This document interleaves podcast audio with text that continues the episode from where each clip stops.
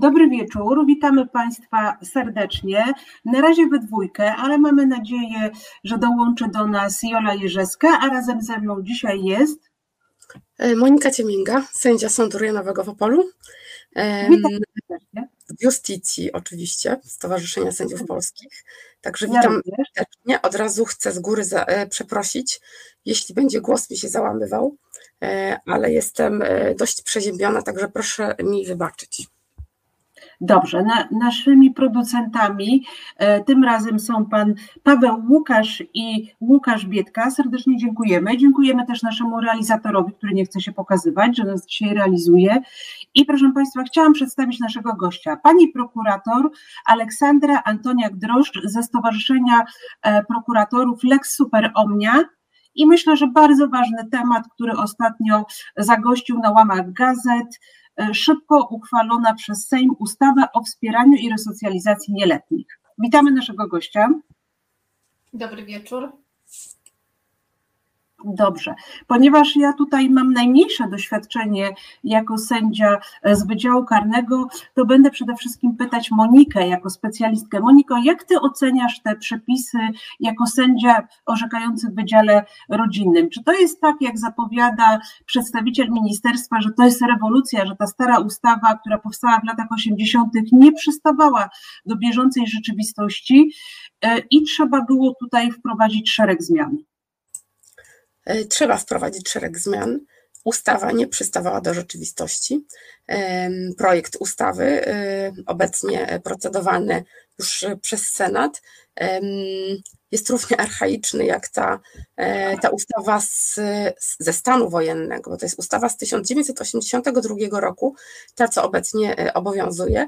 Natomiast język tego projektu, który obecnie ma wejść w życie w zasadniczej mierze od już od 1 września, jest napisany dokładnie takim samym archaicznym e, językiem i nie, nie wprowadza takich rozwiązań, które należałoby. Ola e, zapewne się ze mną zgodzi, prawda? Ja się zgodzę e, w, w 100%. Ten projekt e, nie odpowiada nie tylko jakby oczekiwaniom w, osobom pracującym, pracującym z nieletnimi, również w zakresie wymiaru sprawiedliwości, czyli prokuratorom, policjantom czy, czy sędziom, ale ja myślę, że on kompletnie mm, zatytułowany o wspieraniu i resocjalizacji nieletniej nie ma nic wspólnego ze wspieraniem. E, przerzuca wręcz e, mm, cały ciężar na rodziców, na szkołę, e, nie zawiera nowoczesnych rozwiązań, mm, które no, stosowane są już dzisiaj we współczesnej resocjalizacji w każdym cywilizowanym kraju. Głęboko pozostaje w tym 1982 roku, niestety. Poza kilkoma przepisami, które można by było ocenić pozytywnie, uważam, że projekt y, no niestety nie spełnia oczekiwań i absolutnie nie jest dostosowany do potrzeb y, no, mm, naszych jako, jako nie tylko wymiaru sprawiedliwości, ale też i e, rodziców, nauczycieli, osób, które pracują w ośrodkach i w różnego rodzaju organizacjach społecznych właśnie z trudną e, młodzieżą czy młodzieżą zagrożoną demoralizacją. Ale wiecie co, powiedzcie mi, czy widzicie jakieś dobre strony, no bo minister Woś mówi tak, chcemy ograniczyć napływ drobnych spraw e, do sądów rodzinnych, żeby odciążyć tych sędziów. Chcemy, żeby w tych najdrobniejszych sprawach zbitej szyby w szkole, żeby dyrektor nie miał obowiązku zawiadamiania sądu rodzinnego, tylko sam mógł zastosować środek wychowawczy, nie wiem, naprawienie szkody, e, upomnienie. E, chcemy, żeby w sytuacji, gdy policjant zatrzyma nastolatka spożywającego to przysłowiowe jedno piwo w parku w czasie wakacji, żeby też ta sprawa nie trafiała do sądu rodzinnego, a żeby taki policjant właśnie mógł również zastosować upomnienie. Czy, czy jest coś dobrego w tym projekcie? O, y, Olu, chcesz powiedzieć, czy ja mam przedstawić swoje? Myślę, że, myślę, że ważne jest stanowisko i sędziego, i prokuratora w tym zakresie. E, to może, to może ja zacznę. Ja e, widzę parę, e, parę dobrych zmian. I to, o czym właśnie mówiłaś, przekazanie części spraw dyrektorom szkół, to, jest, to, to idzie w dobrym kierunku. To jest dobre rozwiązanie, ale ono dotyczy tylko, tylko czynów i to nie takich wielkich e, lub zachowań, które się dzieją w szkole. To po pierwsze. Po drugie, musi być na to zgoda nieletniego i jego rodziców. E, po trzecie, no, dyrektor nie ma obowiązku e, zastosować tych środków oddziaływania wychowawczego, może to zrobić, ale równie dobrze może przesłać taką sprawę do sądu. E, ja jako doświadczony sędzia rodzinny wiem, że niektóre szkoły e, faktycznie robią co w ich mocy, żeby pomóc e, swoim uczniom. Natomiast są takie szkoły, które zarzucają sądy rodzinne każdą jedną sprawą. Co by się nie stało? Nieletni się przerzucili, powiedzmy, zastosowali jakieś chwyty takie judo, E, na korytarzu. Jeden jakoś tak mocniej e, spadł, sprawa od razu trafia do sądu rodzinnego. Dziewczynka chodzi ubrana na czarno, no to e, już sąd rodzinny jest zawiadamiany, bo przecież może być zdemoralizowana. Także tego typu spraw jest bardzo wiele. Natomiast faktem jest, że gdyby ci dyrektorzy przejęli część tych spraw, myślę, że to, to byłby dobry, dobry kierunek. Jeżeli zaś chodzi o te wykroczenia, bo nie tak jak mówisz, że, e, że ten alkohol, tak, na wakacjach, bo to już jest mhm. objaw demoralizacji i wtedy no, policja nie za bardzo w mojej ocenie, chociaż tam jest użyte takie hasło czyn zabroniony, tak, czyli wszystko, co jest niezgodne e, z ustawą e, i być może należy to również tak interpretować, że policja również może zastosować środki oddziaływania e, wychowawczego. Na pewno dotyczy to wykroczeń, bo ja jest... użyłam, tylko wyjaśnię, użyłam przykładu, którym posłużył się minister Woś w wywiadzie prasowym. Z tym alkoholem. Mhm, Okej, okay, no tak, tylko że, e, tylko że tak, jeżeli my prze, e, analizujemy przepisy prawa, no musimy je poddać jakiejś analizie, tak? E, a nie zawsze e, te przepisy są tak jasne, żeby nie musiały być e, interpretowane. Na pewno organy, które prowadzą postępowanie wyjaśniające w sprawach o wykroczenia, bo muszę tutaj zaznaczyć, że obecnie czynem karalnym będzie nie tylko e, taki czyn, który odpowiada znamionom przestępstwa e, lub przestępstwa skarbowego, ale to będzie każde wykroczenie, każde jedno.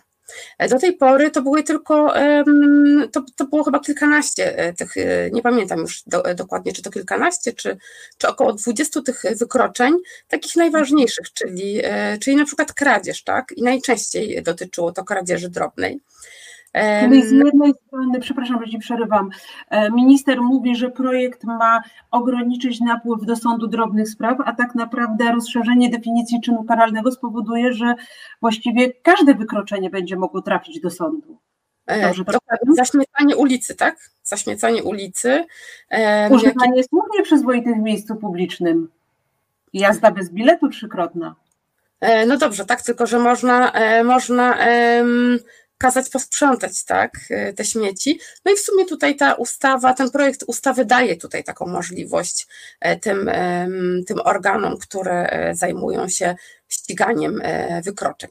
Natomiast czy one będą chciały skorzystać z tego, czy, czy pójdą na tak zwaną łatwiznę i będą wysyłały wszystko do sądów rodzinnych? Przecież tego nie wiemy i nie możemy e, przypuszczać, że, e, że tak się nie stanie. A wtedy sądy rodzinne mogą naprawdę zostać e, zawalone, zawalone naprawdę setkami czy tysiącami nawet e, tych spraw. W sytuacji, kiedy i tak już są zawalane olbrzymią ilością pracy, prawda? E, dokładnie, no tak jak mówię, że do sądu rodzinnego w sprawach nieletnich wpływają nie tylko te sprawy, które naprawdę wymagają uwagi tego sądu rodzinnego, ale, ale taka utarczka e, dzieciaków na korytarzu, tak, poprzepychanie się, e, czy właśnie ten strój dziewczynki, tak, która chodzi ubrana na, na czarno. Tego typu sprawy wpływają do sądu dla nieletnich i każdą jedną trzeba się zająć, no bo przecież nie mogę takiej sprawy wrzucić do kosza, tylko muszę zbadać, czy tam faktycznie coś się nie dzieje. Czyli muszę przynajmniej wysłać kuratora do domu, I zapytać się, czemu rodzice córce pozwalają kupować czarne rzeczy, tak? E, no, na przykład, albo kurator musi, e, musi też rozpytać sąsiadów, może udać się do szkoły, porozmawiać z osobami bliskimi, e, czy coś takiego się nie dzieje, co powoduje, że ta dziewczynka jest na przykład w kłopotach, tak? Aleksandro, a jak ty jako prokurator patrzysz na to? Znaczy, ja powiem, że przygotowując się do, do audycji y, z Wami, sięgnęłam do statystyk policyjnych. I tak chciałam tak. wiedzieć, czy rzeczywiście, czy rzeczywiście jest tak, e, jak e, pan minister Woś mówi, że tak e, mamy problem z tą przestępczością nieletnich, że to wymagało właśnie taki, takich zmian w, w, w, tej, w tej ustawie dotyczącej odpowiedzialności nieletnich. No i według danych e, Biura Prewencji Komendy Głównej Policji e, w 2020 roku na 310, ponad 310 podejrzanych, którzy zostali przez policję jakby ujawnieni, e, przedstawiono im zarzuty, 8287 to byli nieletni sprawcy czynów karalnych, z czego 1500 to były dziewczęta, 6700, około 6700 e, to byli chłopcy. W 2021 roku e, tendencja była spadkowa. Na 322, 322 tysiące e, podejrzanych sprawców czynów karalnych, 8046 to byli nieletni. Może pandemia. Może pandemia, mówię, że może, być może pandemia spowodowała... No, ale właśnie 2021 to już takie wychodzenie z tej pandemii, a muszę Wam powiedzieć, że w 2019 roku jeszcze większe były, jakby większa, e, większe liczby, e, jeśli chodzi o, karal, o czyn popełnienia czynów karalnych przez nieletnich i tendencja była spadkowa. Znaczy, ja myślę, że my mamy ciągle jeden problem, demoralizację i czyny karalne. Inaczej pracuje się z e, młodzieżą, z dziećmi e, objętymi demoralizacją, bo e, młody człowiek, który dotknięty jest demoralizacją albo zagrożony już tą demoralizacją, co zauważa szkoła, co zauważają sąsiedzi, co zauważają może nawet rodzice, no to nie jest jeszcze sprawca czynu karalnego. I, e, I mi brakuje właśnie takiego indywidualnego podejścia do tych dwóch zagadnień. Inaczej pracuje się z kimś, kto zagrożony jest albo dotknięty demoralizacją, a inaczej już z kimś, gdzie ta demoralizacja idzie o krok dalej, czyli już sprawcą czynu karalnego. Jedyną, e, znaczy widzę również, wracając e, Marta do, twoich, do Twojego pytania, widzę e, pozytyw właśnie w tym, o czym e, powiedziała Monika, czyli w, w, w ustępie czwartym artykułu czwartego tej projektowanej ustawy, czyli w środkach oddziaływania wychowawczego, a więc przerzucenia pewnych kompetencji na dyrektorów szkół.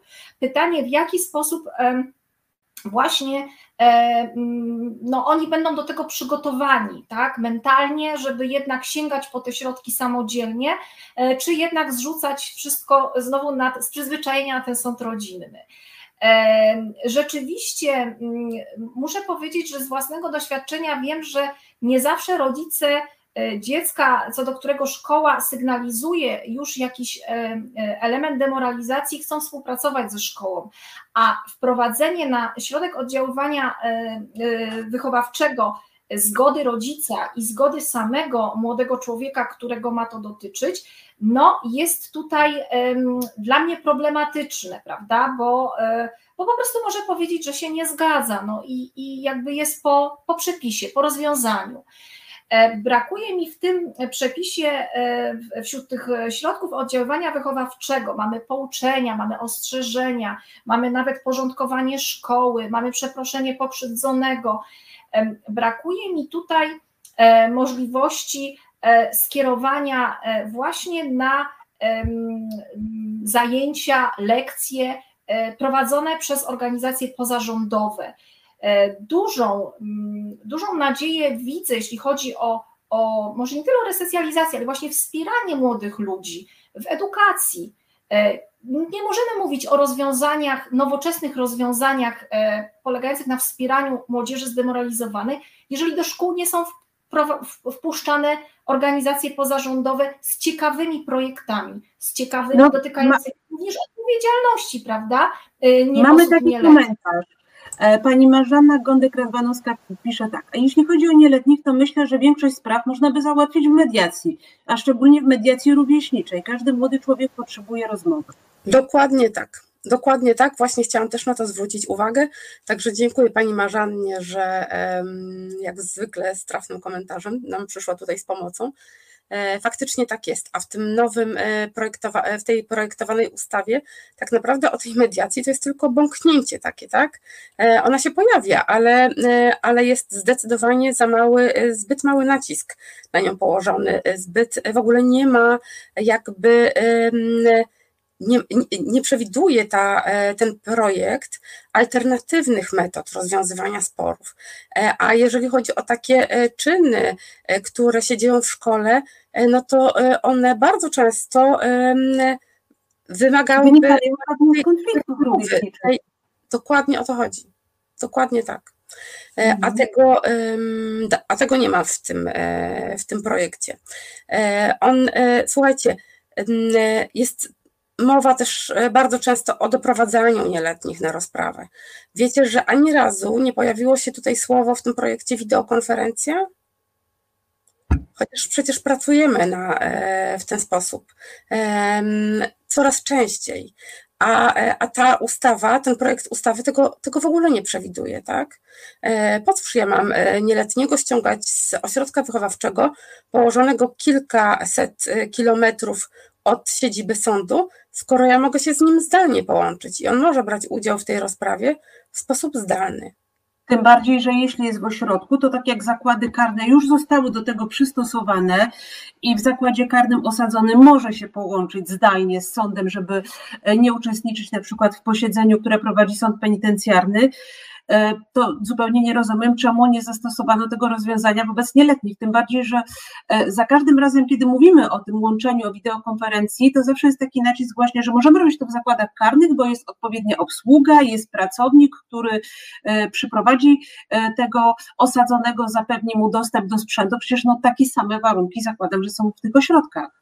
Ale oczywiście teraz można to robić na podstawie jeszcze tych przepisów covidowych, tak? E, ale jak się skończą te przepisy covidowe? No przecież ten, e, ten projekt e, był procedowany teraz, więc można by pomyśleć o wprowadzeniu takich nowoczesnych rozwiązań. No a ja też... ciekawy komentarz, przepraszam, że, ale hmm? reagujmy na, na, komentarze naszych słuchaczy. Pan Waldemar Starzak pisze tak. Projekt cofa nas o 30 lat. Mój sprzeciw budzi założenie, że część zadań z zakresu sprawowania wymiaru sprawiedliwości zostanie powierzona dyrektorom. I pan Piotr Strychalski odpowiada, to chyba jakiś kuriozum, przygotowanie do tej roli pedagogów chyba słabe, o ile nie żadne. Jak to oceniacie jako właśnie jako sędzia rodzinny i, i prokurator? Czy, czy, czy waszym zdaniem, bo macie to doświadczenie, czy, czy pedagodzy sobie z tym są w stanie poradzić, czy potrzebują specjalnych szkoleń? Nie no, przecież obecnie udzielają, tak, nagany, e, jakichś kar, e, które są przewidziane w statucie, a to się jakby nie będzie wiele różnić, nie będzie to sprawowanie wymiaru sprawiedliwości, e, będzie się odbywało jedynie za zgodą tego nieletniego i, i, jego, i jego rodziców, więc w mojej ocenie akurat te rozwiązania to jest, to jest dobry, dobry kierunek, szczególnie, że to nie jest kierunek izolacyjny, a jeżeli... No właśnie, to to chyba trzeba podkreślić, że dyrektor nie skieruje ucznia do żadnego młodzieżowego ośrodka wychowawczego czy zakładu poprawczego, prawda? To jest istotne. Dokładnie, tam są jakieś, to, to nawet jest nazwane um, nie środkiem wychowawczym, tylko środkiem oddziaływania e, wychowawczego. E, czyli to może być um, właśnie um, jak to e, wspomniał pan wiceminister, to posprzątanie e, boiska szkolnego, tak, czy jakieś e, upomnienie, ale faktycznie tutaj ja się zgadzam z Olą, że, że nie ma tutaj właśnie tych alternatywnych metod i takich nowoczesnych rozwiązań, ani zajęć, którym, na które ten nieletni mógłby się udać właśnie, właśnie w ramach zajęć lekcyjnych czy pozalekcyjnych, ale takich odbywanych w placówce szkolnej. Mhm. I ja jeszcze dodam, że ten przepis, e, odpowiadając e, panu prokuratorowi Starzakowi, że ten przepis dotyczący środków oddziaływania wychowawczego obejmuje sytuację, w której dyrektor stwierdza demoralizację lub popełnienie czynu karalnego na terenie szkoły, ale nie dotyczy czynów zabronionych, które ściganie następuje czynów zabronionych wyczerpujących znamiona przestępstw, których ściganie następuje z urzędu lub przestępstwa skarbowego. To pozostaje już w gestii sądu. Natomiast jeśli jeszcze mogę o mediacji, tu aż prosiłoby się, aby dyrektor miał zapisaną kompetencję do skierowania właśnie sporu między rówieśnikami do mediacji, prawda? A e, ten zapis, o którym e, powiedziała Monika, dotyczący mówi wprost, sąd może, czyli znowu przerzucamy tą alternatywną e, możliwość rozwiązywania sporu rówieśniczego, gdzie jest podłoże z demoralizacji czy czynu karalnego, przerzucamy na sąd. Czyli z jednej strony e, mówi się, odciążamy sądy, ale z drugiej strony nie do końca i nie w pełni wykorzystujemy tak naprawdę rozwiązanie, które aż, się, aż by się prosiło w tym przepisie e, aby dyrektor miał taką kompetencję do tego, aby to kierować. Poza tym, jeśli chodzi jeszcze o tutaj e, stwierdzenie, że grono pedagogiczne nie jest przygotowane do tego typu rozwiązania, no ale przecież w szkołach mamy pedagogów, mamy psychologów, tu ich wsparcie i przeprowadzenie odpowiednich szkoleń w tym zakresie no nie powinno stanowić aż tak dużego problemu, a myślę sobie, że kto inny właśnie jak nauczyciel, dyrektor szkoły, no, zna lepiej swoich, e, swoich podopiecznych, prawda, i sytuacje, które na terenie szkoły e, mają miejsce, które mogą stanowić już o jakimś zagrożeniu e, demoralizacją. Słuchajcie, ja wam, ja wam przeczytam ten, ten przepis, do czego dyrektor jest uprawniony. I, y, I, posłuchajcie w ogóle, jak to brzmi. E, czyli środek oddziaływania wychowawczego w postaci pouczenia, ostrzeżenia ustnego albo ostrzeżenia na piśmie, przeproszenia pokrzywdzonego, przywrócenia stanu po, e, poprzedniego lub wykonania określonych prac porządkowych na rzecz szkoły. Przecież to są same archaizmy. Oczywiście z wyjątkiem tego przeproszenia, e, te, te, to przywrócenie e, stanu faktycznego to też jest dobry pomysł. Sama widziałam na Polen Roku, e, jak no, jakiś człowiek bazgrał po namiotach i komisja złożona z przedstawicieli służb porządkowych tego Polen Roka wzięła go po prostu za fraki i kazała mu zmywać to. Ja pamiętam, że, e, że wracałam po kilku godzinach, on nadal to zmywał. I to, e, i to naprawdę myślę, że to przyniosło, to, to przyniosło właściwy skutek, tak? Bo on musiał to zrobić, nie uniknął e, tej odpowiedzialności, tak? Tej konsekwencji. On odpowiedzialności karnej nie poniósł, bo oni nie złożyli jakby zawiadomienia o popełnieniu przestępstwa, ale myślę, że to go nauczyło o wiele bardziej niż ta, niż ta kara i ten pobyt w sądzie. To na pewno. Nasi słuchacze piszą jeszcze, czemu nie ma edukacji prawnej dla uczniów szkół podstawowych? I Jacek Różycki, to świetne pytanie. Młodzi ludzie uczą się neutralizować kwas oraz zyskują wiedzę, gdzie leży akwizgran, natomiast nie wiedzą, jak skutecznie zareklamować buty. Ja powiem więcej nie wiedzą też, że w naszym kraju obowiązuje fikcja doręczenia korespondencji i przesyłkę dwukrotnie awizowaną uznaje się za doręczoną prawidłowo i cała procedura rusza. To, to również, ale na, na to pytanie nie będziemy w stanie odpowiedzieć. Myślę, że jako prawnicy od wielu lat postulujemy, żeby taka edukacja była. Robimy to często we własnym zakresie, przychodząc do szkół czy zapraszając szkoły do naszych instytucji, ale cały czas tego jest za mało. A w sytuacji, kiedy jeszcze wiedzę o społeczeństwie zastąpimy hitem, e, to te, tej wiedzy chyba będzie jeszcze mniej. To, to jest moja obawa. Znaczy, to jest to, o czym mówię. Nie wpuszczamy do szkół e, organizacji pozarządowych z ciekawymi projektami. E, powiem Wam, dwa tygodnie temu, z racji tego, że w klasie mojej córki pojawił się problem hejtu po prostu i mowy nienawiści, wychowawczyni poprosiła mnie o taką lekcję, a że mają dwie czwarte klasy w szkole, zrobiliśmy taką lekcję i dla jednej, i dla drugiej klasy. I świadomość e, dzieciaków, e, które mają już 11 lat, e, no, na temat ich odpowiedzialności właśnie za, za czyny, które my dzisiaj możemy definiować jako demoralizację, czy już czyny karalne, była taka, że zapytane, kto ponosi odpowiedzialność, stwierdzały mama i tata, bo są dorośli, prawda? E, więc e, wszystko jesteśmy w stanie dostosować do wieku dzieci i młodzieży, ale dopóty, dopóki nie, szkoła nie otrzyma wsparcia właśnie takiego systemowego e, w postaci pomocy organizacji pozarządowych, które wchodzą z ciekawymi projektami, z ciekawymi pomysłami, wykładami, spotkaniami, o wiele lepiej funkcjonują tego typu metody niż no, straszenie prawda, zakładem poprawczym czy kolejnym środkiem, stworzeniem no, nowych, nowych środków wychowawczych typu e, no, jakieś zakłady, młodzieżowe zakłady wychowawcze czy okręgowe zakłady. Okręgowe ośrodki tak, e, wychowawcze. Okręgowe te mają się pojawić, dokładnie. Więc, Czyli znowu ja izolacja. Tak, izolacja najlepiej zamknąć, wypuścić jak ma 21, a teraz według nowego projektu 24, prawda? Najlepiej zamknąć 13-latków z 24-letnimi mężczyznami i, i, i prawda, wyjdzie nam kwiat młodzieży polskiej, prawda, po takiej resocjalizacji. E, ja nie jestem specjalistą resocjalizacji, ale powiem jedno. Wiele lat pracowałam z dziećmi i z młodzieżą e, w dotkniętych no, patologiami społecznymi. Wszystko zaczyna się w domu. I żeby budować racjonalnie funkcjonujący system e, wspierania młodych ludzi, e, którzy chcą z tej patologii się wyrwać, trzeba działać systemowo. E, jeżeli mamy agresywnego dziesięciolatka w klasie czwartej czy trzeciej, to skądś ta agresja jest, prawda? I no, cichaczem rodzice przekazują sobie informacje, że w domu jest przemoc i tak dalej. No ale ja pytam się, jak takiej sytuacji działa państwo, jeśli chodzi o przeciwdziałanie przemocy, prawda, e, w rodzinie. E, alternatywny raport, jaki powstał dla Grevio, sporządzony przez Rzecznika Praw Obywatelskich, wskazuje, że e, praktycznie nie realizujemy postanowień konwencji stambulskiej. Raport ten jest druzgocący dla, dla strony rządowej, dla samorządów.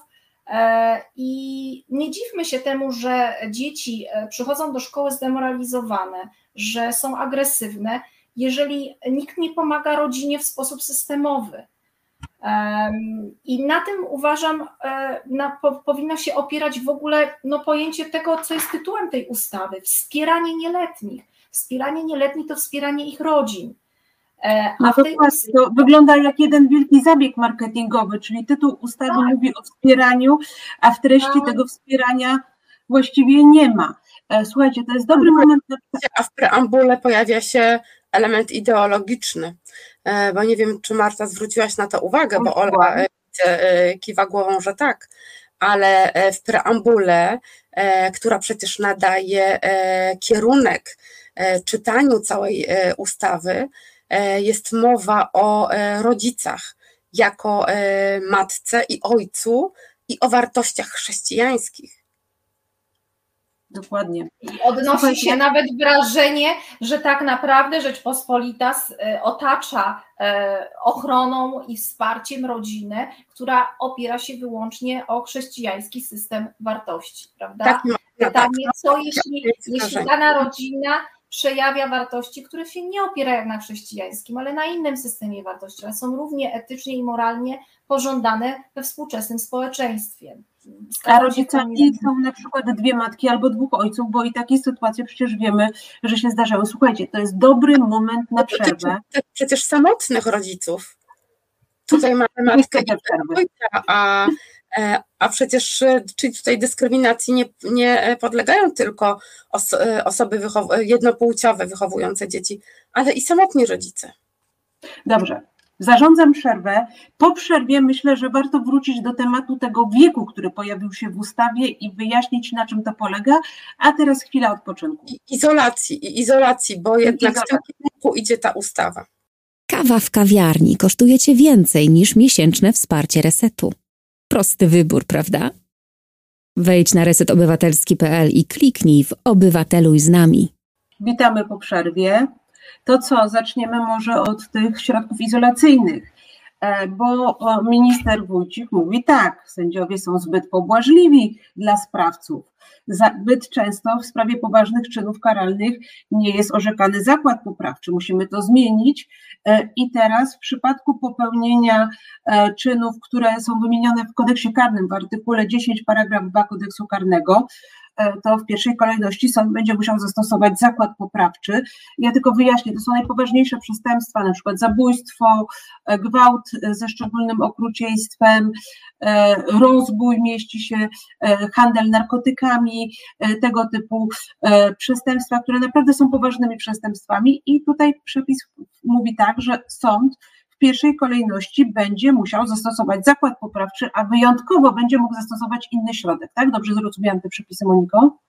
E, w, w, tej, w tym projektowanym przepisie on brzmi tak: sąd rodzinny orzeka umieszczenie w zakładzie poprawczym nieletniego, który dopuścił się tych czynów, między innymi, które wymieniłaś.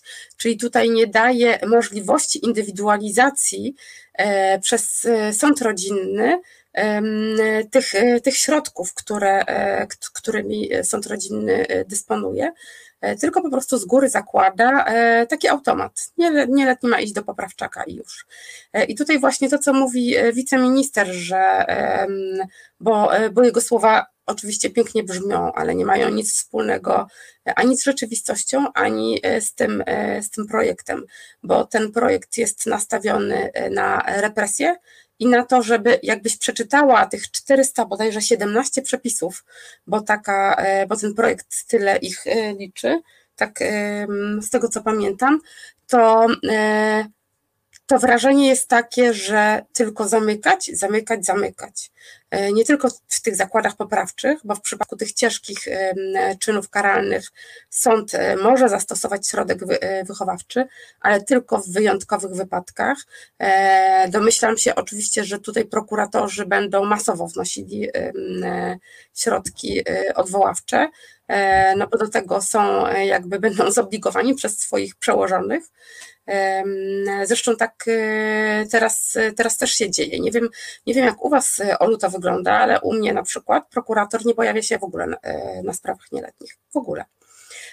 Po czym na przykład składa wniosek o uzasadnienie, domagając się uzasadnienia postanowienia o umorzeniu postępowania w sprawie dotyczącym, dotyczącej występku nieletniego, chociaż w tym wypadku nieletni miał 11 lat. E, kiedy, e, kiedy czegoś dokonał.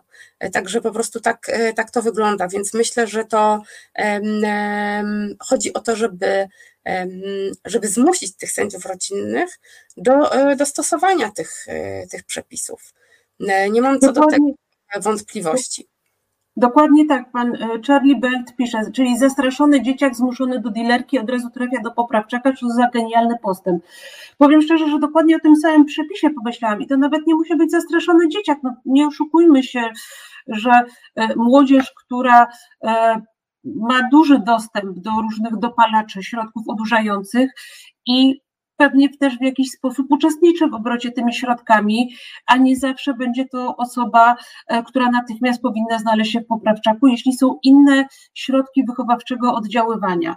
E, myślę, że biorąc pod uwagę e, to, z czym młodzież się styka, to sytuacja, w której młody człowiek zostanie zatrzymany z jakąś ilością środka odurzającego, czy też na tym ja nie bagatelizuję tego przestępstwa, tylko myślę, że może to dotyczyć młodzieży o bardzo szerokim przykładzie przekroju społecznym. Może to dotyczyć osób, które e, już są zdemoralizowane i może to dotyczyć kogoś, kto po prostu sięga, czy znajduje się w takiej sytuacji trochę z ciekawości, trochę z niewiedzy, jaka wiąże się z odpowiedzialnością. Dobrze, a może e, powiemy trochę o tych środkach izolacyjnych, bo tutaj to wszystko też troszeczkę się zmienia. Pewnie wszyscy wiemy, czym jest zakład poprawczy. E, no jak on... Marta, bo tutaj pan e, Tomasz Szyntralewicz pyta, na ile zakład poprawczy jest inkubatorem przestępczości, co mówi o tym statystyka. I akurat jeżeli chodzi o moje, ja statystyk, jeżeli chodzi o zakłady poprawcze nie sprawdzałam, natomiast z mojego doświadczenia wynika, że jeżeli ten zakład, ten środek poprawczy zostanie prawidłowo przeprowadzony, aczkolwiek zaznaczam, że on jest stosowany naprawdę e, tylko i wyłącznie w wyjątkowych sytuacjach, kiedy inne środki po prostu nie przynoszą rezultatu, no i kiedy został popełniony czyn karalny w postaci przestępstwa. To jeżeli chodzi o zakłady poprawcze, to one są wyposażone w odpowiednią kadrę, w odpowiednie programy i jeżeli zostanie ten środek odpowiednio zastosowany, to on e, faktycznie jest skuteczny.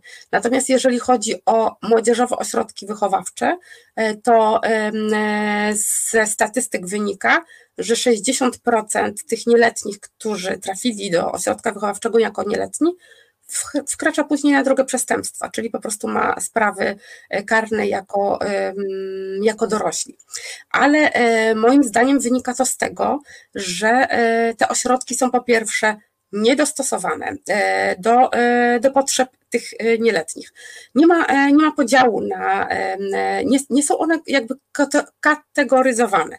Czyli tak, nieletni, który uchyla się od obowiązku szkolnego, trafia do tego samego ośrodka, e, co ten, który popełnił na przykład rozbój. E, I e, są też różne potrzeby.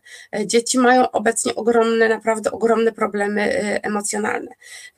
Nie pracuje się tam z nimi, ale to też wynika z tego, że nie ma kadry, nie ma specjalistów, nie ma, nie ma pieniędzy na to.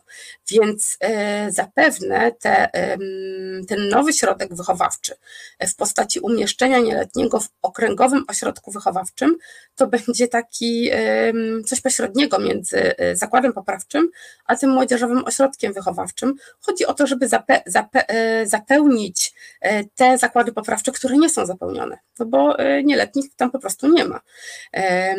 I myślę, że to, że to o to chodzi. A należałoby w pierwszej kolejności zdiagnozować problemy obecnych młodzieżowych ośrodków wychowawczych, i im zaradzić.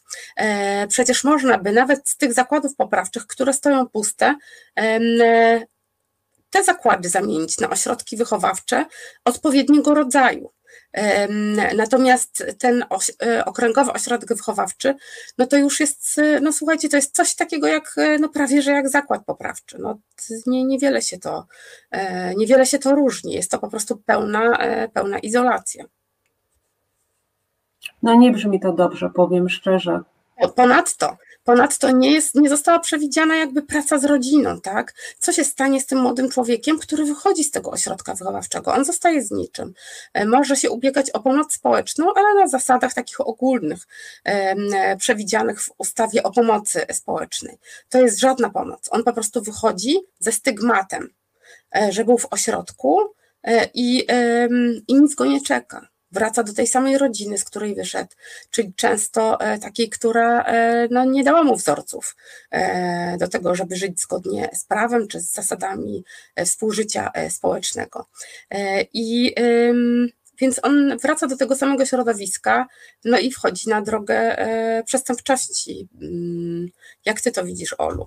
Bo, bo widzisz już tych dorosłych, tych moich nieletnich, którzy ja e, opuścili. Ja chciałam powiedzieć, że mnie się e, serce łamało, kiedy e, jako młody prokurator zaczęłam pracować w, w Bytomiu, a w Bytomiu też prowadziłam świetlicę środowiskową i moi podopieczni, których poznawałam jako małe dzieci, czy kilkuletnie, kilkunastoletnie dzieci, albo całe rodziny, prawda, gdzie było sześcioro, ośmioro rodzeństwa, Wiedzieliśmy, że tata przebywa w zakładzie karnym, mama ma no, problemy z alkoholem i tak dalej.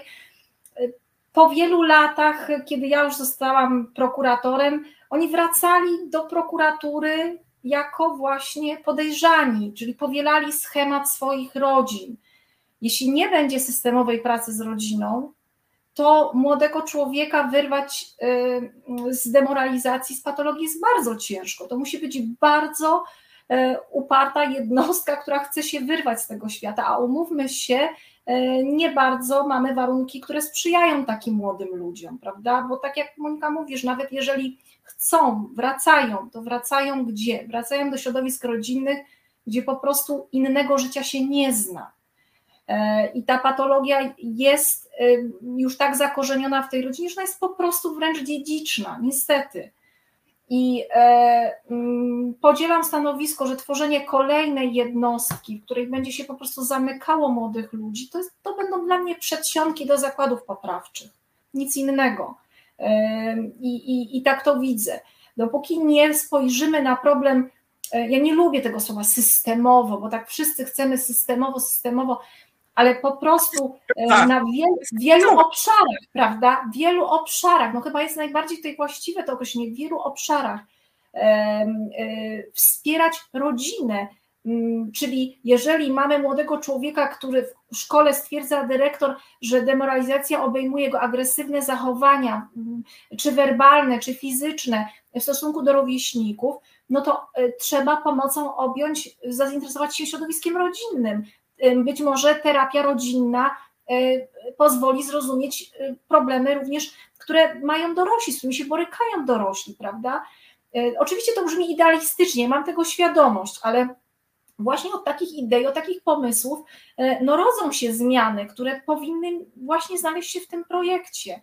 Izolacja młodych ludzi i to jeszcze tak jak mówię, przedział wiekowy 13 do 24, bo mnie w ogóle, ja bym chciała, żebyście mi to wytłumaczyły, bo ja jestem prokuratorem, może ja nie rozumiem, ale zapis, który mówi, że e, orzekając umieszczenie nieletniego w zakładzie poprawczym, gdzie w, e, w, przepisach początkowych ustawy mowa o tym, że stosuje się środek poprawczy do ukończenia 21 roku życia, a w artykule 15 ustawy przepis stanowi, że sędzia, sąd może zagrozić wydłużeniem wykonania środka poprawczego nie dłużej jednak niż do 24 roku życia. To znaczy co? W takim postanowieniu sędzia pisze, że należy zastosować środek e, poprawczy do tam 21 roku życia, ale jednocześnie grożę tobie, młody, człowiekowi, młody człowieku, y, że, zastosu, że jest możliwość zastosowania do 24 roku życia. Ja nie rozumiem w ogóle,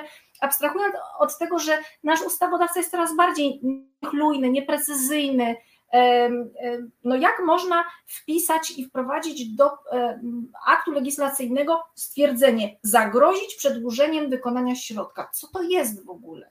Co, jak, jak to w postanowieniu, ja, no, czy w orzeczeniu, y, no ja nie wyobrażam sobie takiego zapisu.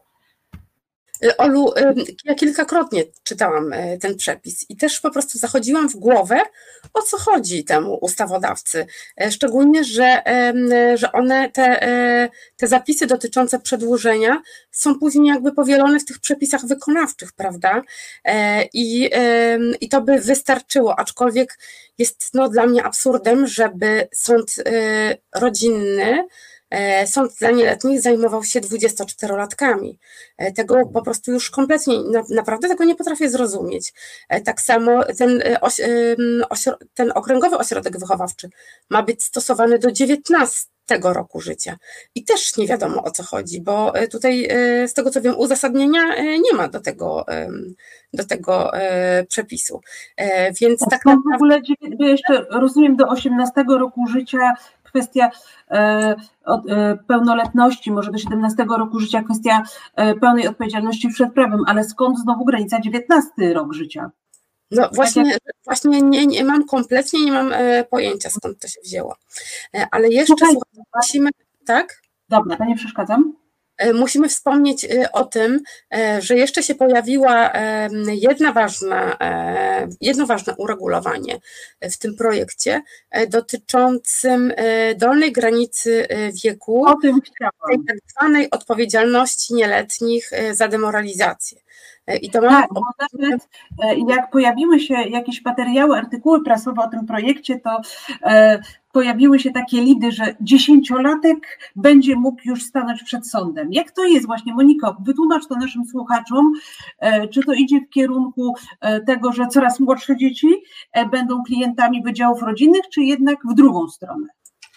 E, nie, no właśnie, e, właśnie nie. 10 e, lat to jest wprowadzenie granicy wieku i to jest rozwiązanie poniekąd słuszne, aczkolwiek mam wątpliwości co do tych 10 lat. E, bo tak na, e, na dobrą sprawę to e, no tutaj jednak potrzebny byłby, potrzebne byłyby badania psychologiczne, szeroka konsultacja społeczna właśnie ze, ze, specjalizami, ze specjalistami różnych dziedzin i z resocjalizacji, i z psychologii, i z pedagogiki, którzy byliby w stanie się wypowiedzieć odnośnie tego wieku. Obecnie przepisy dają podstawę do tego, żeby wszcząć postępowanie o demoralizację nawet wobec dzieci sześcioletnich. E, I takie sprawy bywają. Tak, miałam e, Słuchajcie, e, jak przyszłam do sądu rodzinnego z Wydziału Gospodarczego, jedną z pierwszych moich spraw, odziedziczoną po innym sędzim, było to, że dziewczynka sześcioletnia, ścigając się z kolegą, popchnęła tego kolegę, on się wywalił. I miała sprawę o demoralizację. I ta sprawa była rozbuchana przez tego prostu rozgrzebana przez tego innego sędziego. Tam były, ja nie mogłam odmówić wszczęcia tego postępowania, a też byłam jakby e, niedoświadczona. Nie, e, nie miałam się z kim skonsultować. Nie było wtedy grup na WhatsAppach, e, z kim by można było przegadać taki, taki problem. I ja wiedziałam, że to po prostu, że to jest jakiś absurd, kompletny absurd, ale ja też nie mogłam, te przepisy były takie, że ja nie mogłam na posiedzeniu niejawnym umorzyć tego postępowania. I ja wezwałam tę dziewczynkę e, do sądu, nie na salę rozpraw, tylko to był jakiś pokój, wtedy nie było jeszcze tych przyjaznych pokoi. E, poprosiłam pa, panią psycholog z ówczesnego rodzinnego ośrodka diagnostyczno-konsultacyjnego. E, ja pamiętam, jak ta dziewczynka, która w ogóle nie była zdemoralizowana, jak ona płakała, natomiast chłopiec, który został popchnięty, był po prostu taki, jakby w ogóle nie wiedział, co się dzieje, no bo też miał 6 lat czy 7 i, i nie ogarniał tego, e, co, e, o, co, e, o co chodzi, no wywnioskowałam, że mamie tego chłopca chodzi o odszkodowanie po prostu.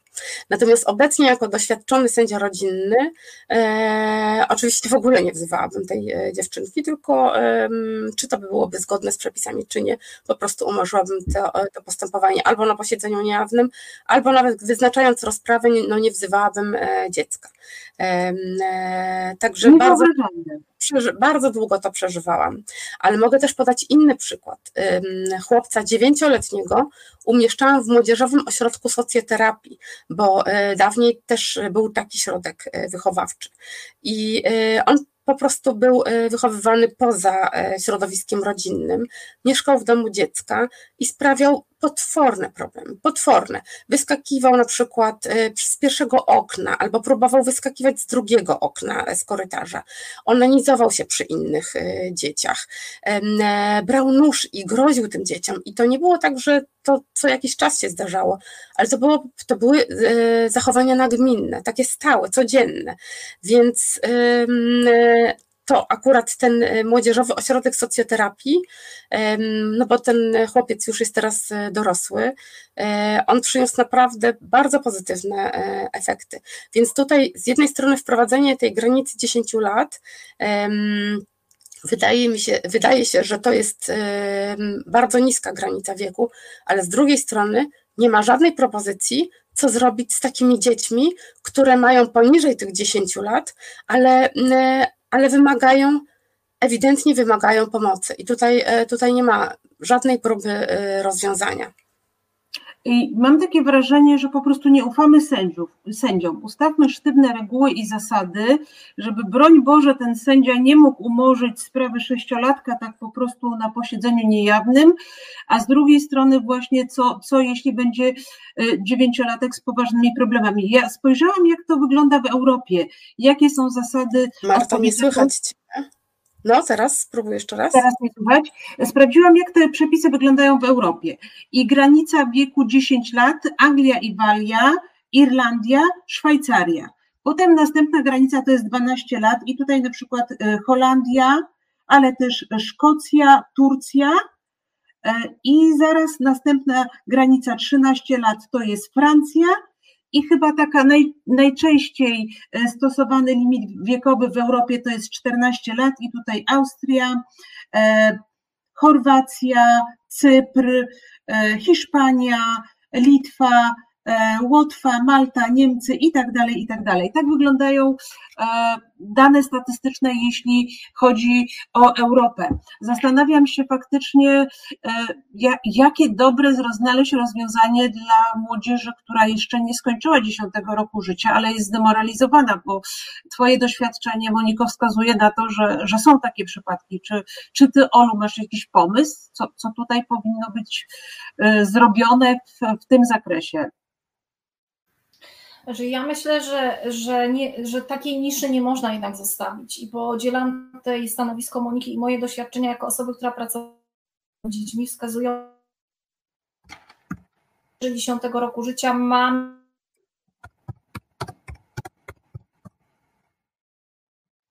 Ja nie słyszę Oli, nie wiem, nie wiem czy, czy Państwo słyszą. Marta, Ty słyszysz Ole?